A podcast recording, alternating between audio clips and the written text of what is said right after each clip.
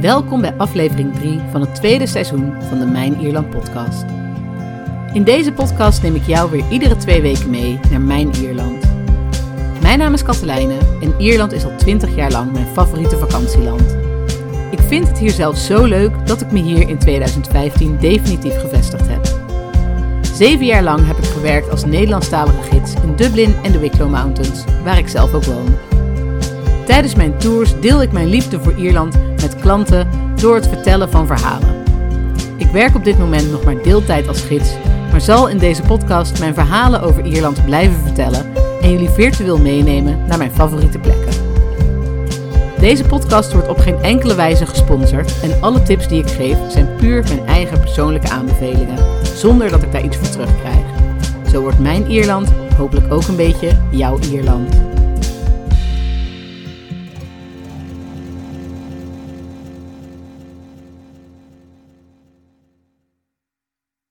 Deze aflevering zal, net als aflevering 2, in het teken staan van Noord-Ierland. In de vorige aflevering nam ik jullie mee naar het gebied in en rondom Belfast. Vandaag gaan we een roadtrip maken over de Causeway Coastal Road.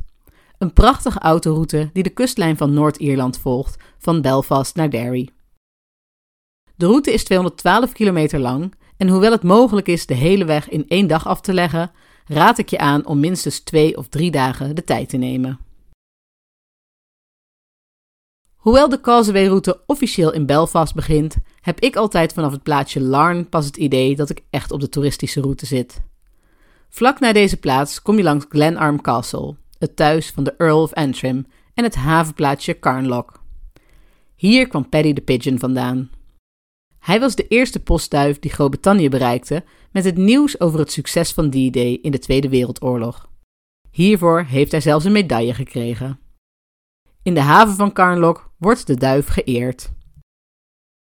Als je de kustweg naar het noorden volgt, kijk je rechts uit over zee en liggen aan je linkerhand de hoge rotswanden waarachter de Glens of Antrim liggen.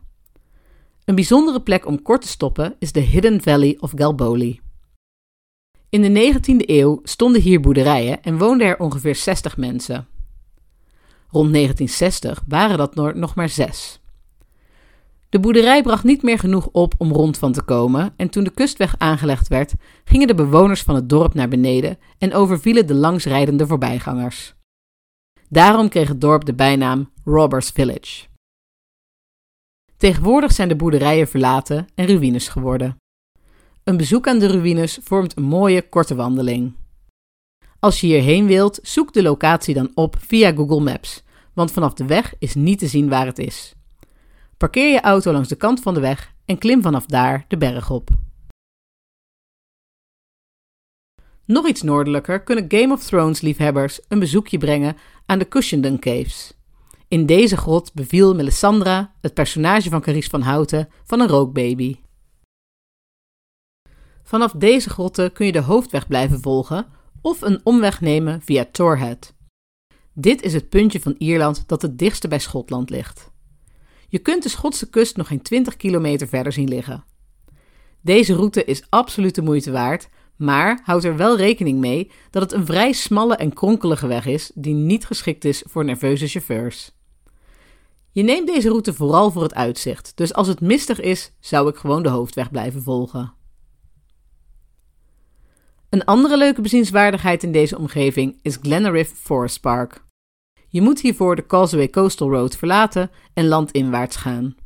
In deze vallei vind je prachtige bossen en watervallen.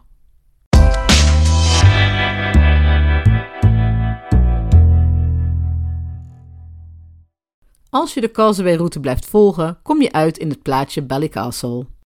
Hier omheen liggen veel van de grootste toeristische trekpleisters van Noord-Ierland, zoals de Carrick-a-Raid Row Bridge.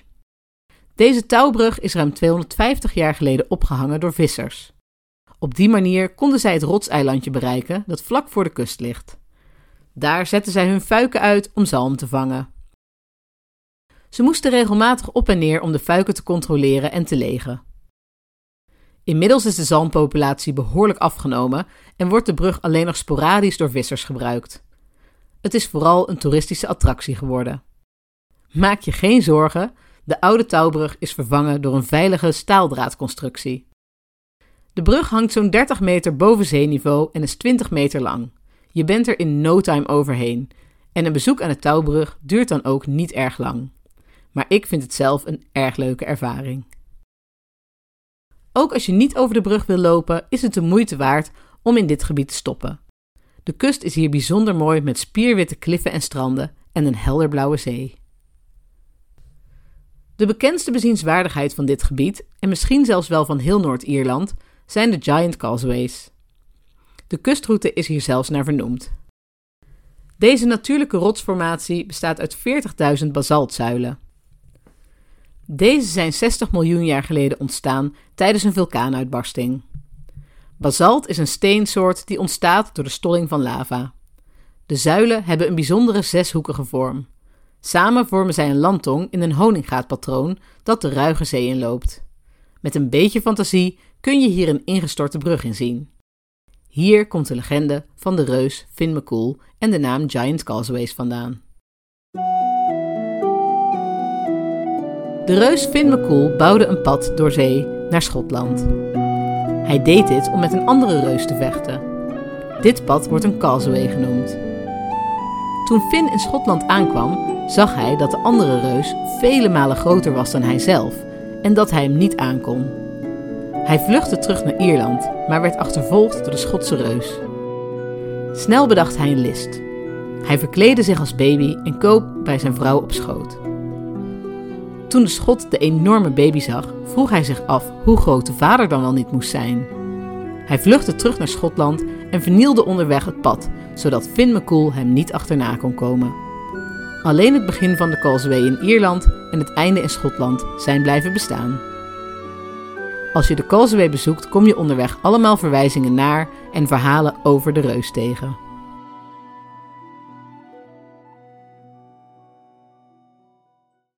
Vlak naast de Giant Causeways ligt het plaatsje Bushmills. Hier ligt de oudste nog bestaande whiskydestilleerderij van de wereld. Al sinds 1608 heeft deze stokerij een vergunning. Het bijbehorende museum is een van de leukste in zijn soort in Ierland, want in tegenstelling tot veel andere whiskymusea is Bushmills nog steeds een werkende destilleerderij. Een tour gaat dwars over de werkvloer en de whisky wordt letterlijk gemaakt waar je bij staat. Hierdoor is het op momenten lawaaierig, erg warm, sterk ruikend en ontzettend druk. Je krijgt echt een kijkje in de keuken, van het fermentatieproces tot het in flessen stoppen van de whisky.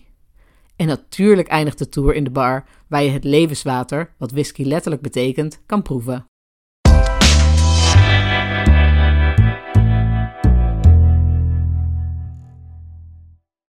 Een van de bekende plaatsjes van de Causeway Coastal Road is het vervallen kasteel van Dunluce Castle. Bijna iedereen stopt hier om een foto te maken. En dat is niet zo gek, want de ruïnes bovenop de kliffen zijn een prachtig gezicht. Toch neemt maar een klein percentage de moeite om het kasteel ook daadwerkelijk te bezoeken. En dat is best zonde, want het is een interessante plek. Dunluce Castle is gebouwd rond 1500 door de familie McQuillan. En niet veel later werd het in beslag genomen door de MacDonald-clan. Het kasteel doorstond een periode van veel geweld, intriges en opstanden. Met informatieborden wordt een goed beeld geschetst van het verleden. Het bekendste verhaal van Dunluce Castle gaat over de keuken die tijdens een storm in de 17e eeuw in zee zou zijn gestort. Dit is een goed voorbeeld van de liefde van de Ieren voor het vertellen en verzinnen van sterke verhalen. Dit verhaal is namelijk helemaal niet waar. Maar dat maakt in Ierland niet uit. Het verhaal hoeft niet te kloppen, als het maar een goed verhaal is. Een ander mooi bouwwerk op de rand van de kliffen is de Mussenden-tempel. Mussenden-tempel werd in 1785 gebouwd door Frederik Hervey, bisschop van Derry. Hij bouwde het als zomerbibliotheek voor zijn nicht Wiede Musenden. Het ontwerp is gebaseerd op de tempel van Vesta in Tivoli in Italië. De combinatie van de bijzondere architectuur en de locatie bovenop een klif met geweldig uitzicht over zee en het strand maakt dit een bijzondere plek. De tempel is onderdeel van het landgoed van Frederick Harvey. Een stuk land inwaarts staat de ruïne van zijn huis, Downhill the Mean. Dit gebouw moet ooit een schitterend 18e-eeuws landhuis zijn geweest. Maar helaas is het nu nog slechts een bouwval.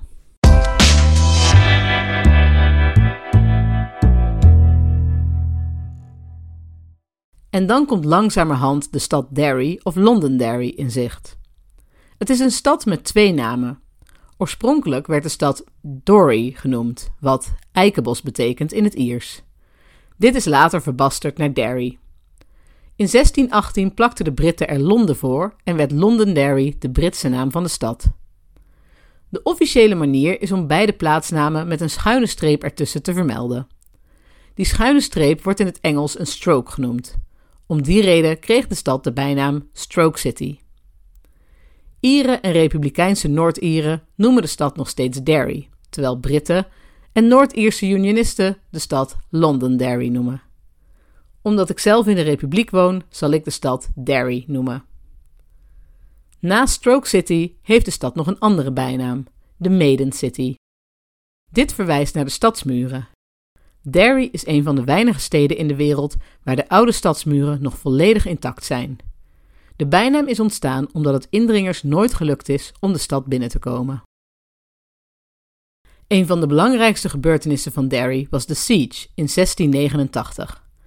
Toen werd de ommuurde stad maar liefst 105 dagen afgesloten om het leger van de Engelse koning James II buiten te houden. In het Siege Museum kom je alles te weten over deze historische gebeurtenis. In 1689 was James II aan de macht in Groot-Brittannië. Hij was de eerste katholieke Britse koning in ruim 100 jaar. Toen zijn zoon werd geboren, was er een katholieke troonopvolger. Maar de overwegend protestante Britse elite wilde voorkomen dat het Verenigd Koninkrijk lange tijd zou worden bestuurd door een katholiek. Daarom moedigde zij James zijn schoonzoon aan om Engeland binnen te vallen en James te verslaan. Die schoonzoon was niemand minder dan de Nederlandse Willem van Oranje, de Prince of Orange. Omdat Ierland grotendeels katholiek was, besloot James steun te zoeken bij de Ierse bevolking. Een van de eerste plekken die hij aandeed was Derry. Binnen de stadsmuren van de stad woonden in die tijd vooral protestanten die aan de kant van Willem van Oranje stonden. Toen het leger van James aankwam in Derry, wist het stadbestuur niet zo goed wat ze moesten doen. Het waren uiteindelijk 13 apprentice boys die de poorten van de stad sloten. Na 105 dagen was de belegering voorbij en moest James zich terugtrekken.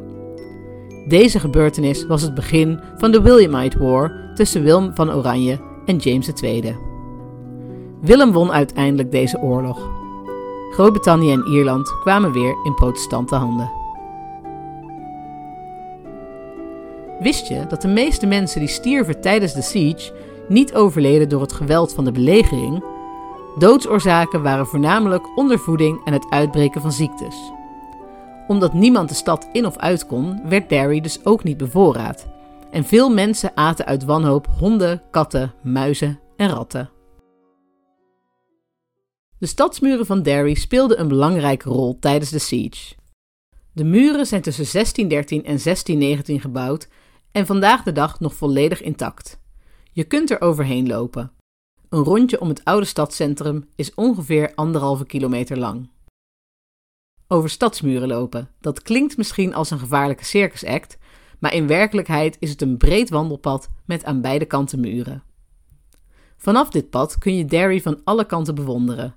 En langs de route staan informatieborden over de historische gebeurtenissen die hebben plaatsgevonden.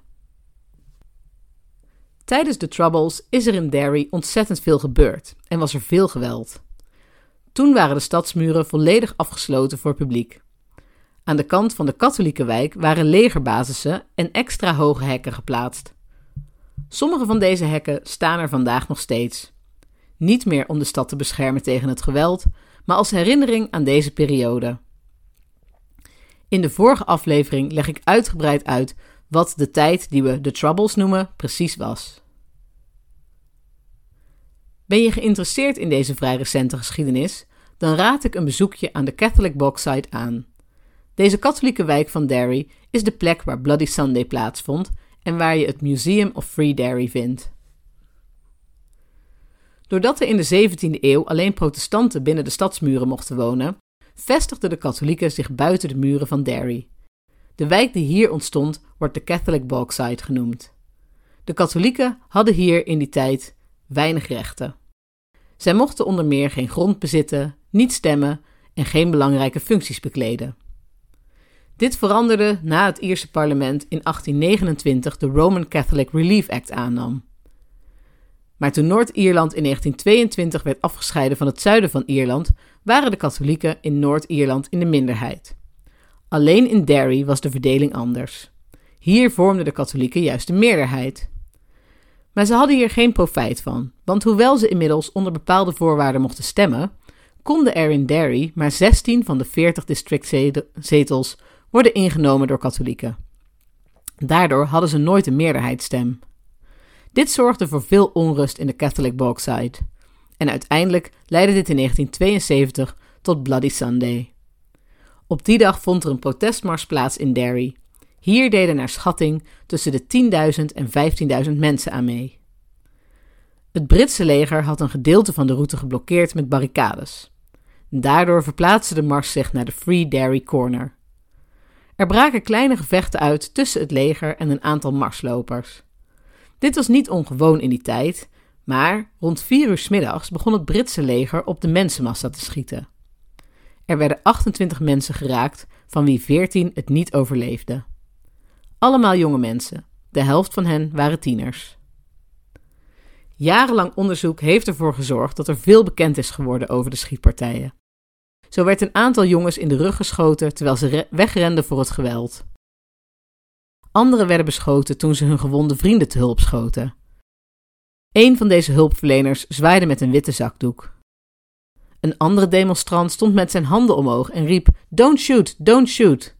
Maar desondanks werd hij toch doodgeschoten. Het meest vreselijke verhaal gaat over Jim Ray, die in zijn rug werd geschoten toen hij wegrende van de Britse soldaten.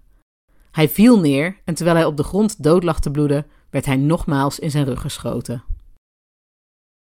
De berichtgeving van de Britten over Bloody Sunday beweerde het tegenovergestelde over wat er was gebeurd. Het Britse leger zou zijn aangevallen door de Republikeinen en had geen andere keuze dan zichzelf te verdedigen. Pas jaren later werd op aandringen van de familieleden van de slachtoffers een uitgebreid onderzoek gestart. Dat duurde maar liefst twaalf jaar. In 2010 werd het eindelijk afgerond en kwam aan het licht dat het Britse leger onterecht had geschoten. Na bijna 40 jaar werden de aangewezen daders officieel slachtoffers. Veel gebouwen in de Catholic Bogside zijn versierd met gigantische muurschilderingen. Dit doet een beetje denken aan de schilderingen op de Peace Walls in Belfast. Deze werken vormen een geschiedenisboek in de open lucht, vol aandenkens aan het gewelddadige verleden van de stad. De meeste schilderingen zijn gemaakt door de broers Tom en William Kelly en hun vriend Kevin Hessen. Zij zijn hier in 1993 mee begonnen. Met hun werk willen ze herdenken, informeren en begrip creëren. Het is een eerbetoon aan de mensen van Derry en wat zij hebben meegemaakt. Het is ook een manier om het verleden te verwerken. Als je de verhalen achter de muurschilderingen wil horen, is het aan te raden om de wijk met een gids te bezoeken. De comedyserie Derry Girls gaat over vier meisjes en een jongen op een katholieke school in Derry aan het einde van de Troubles in de jaren 90. De afleveringen zijn een leuke en luchtige manier om meer over het leven in die tijd te weten te komen. Na deze heftige informatie lijkt het misschien alsof Derry een sombere stad is, maar dat is absoluut niet het geval. Sterker nog, het is een van mijn favoriete steden in Ierland. Het is een moderne stad waar je heerlijk kunt winkelen, eten en drinken. Noord-Ierland heeft ook een prachtig binnenland, maar daar heb ik zelf nog te weinig van gezien om daar goed over te kunnen vertellen. Het staat voor de komende tijd op de planning om te ontdekken, dus wie weet kom ik daar in een volgende podcastaflevering nog op terug. Voor nu zijn we bij het einde aangekomen van deze aflevering van de Mijn Ierland podcast. Een deel van de informatie uit deze podcast komt uit het boek Ierland, de ultieme roadtrip, dat ik in 2019 schreef. Wil je dit boek lezen? Bestel het dan via je plaatselijke boekhandel bol.com of via www.deultiemeroadtrip.nl. Deze podcast is een product van Witty Walks en mijnierlands.nl. Vind je dit een leuke podcast? Vertel het dan door tegen je vrienden en bekenden of deel het op social media. Wil je meer lezen, luisteren en kijken over Ierland? Ga dan naar www.mijnierland.nl voor meer content. Hier kun je ook suggesties doen voor nieuwe podcastonderwerpen of jouw vragen over Ierland stellen, die ik in de podcast zal beantwoorden. Ik hoop je in de volgende podcastaflevering opnieuw te mogen verwelkomen in mijn Ierland. Tot dan!